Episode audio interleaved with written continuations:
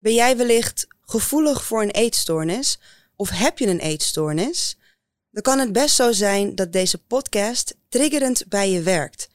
Maar dat hoeft uiteraard helemaal niet zo te zijn. Er is veel hulp beschikbaar en ook online support. Een overzicht daarvan vind je op de website firstaidkit.nl onder het kopje hulp zoeken.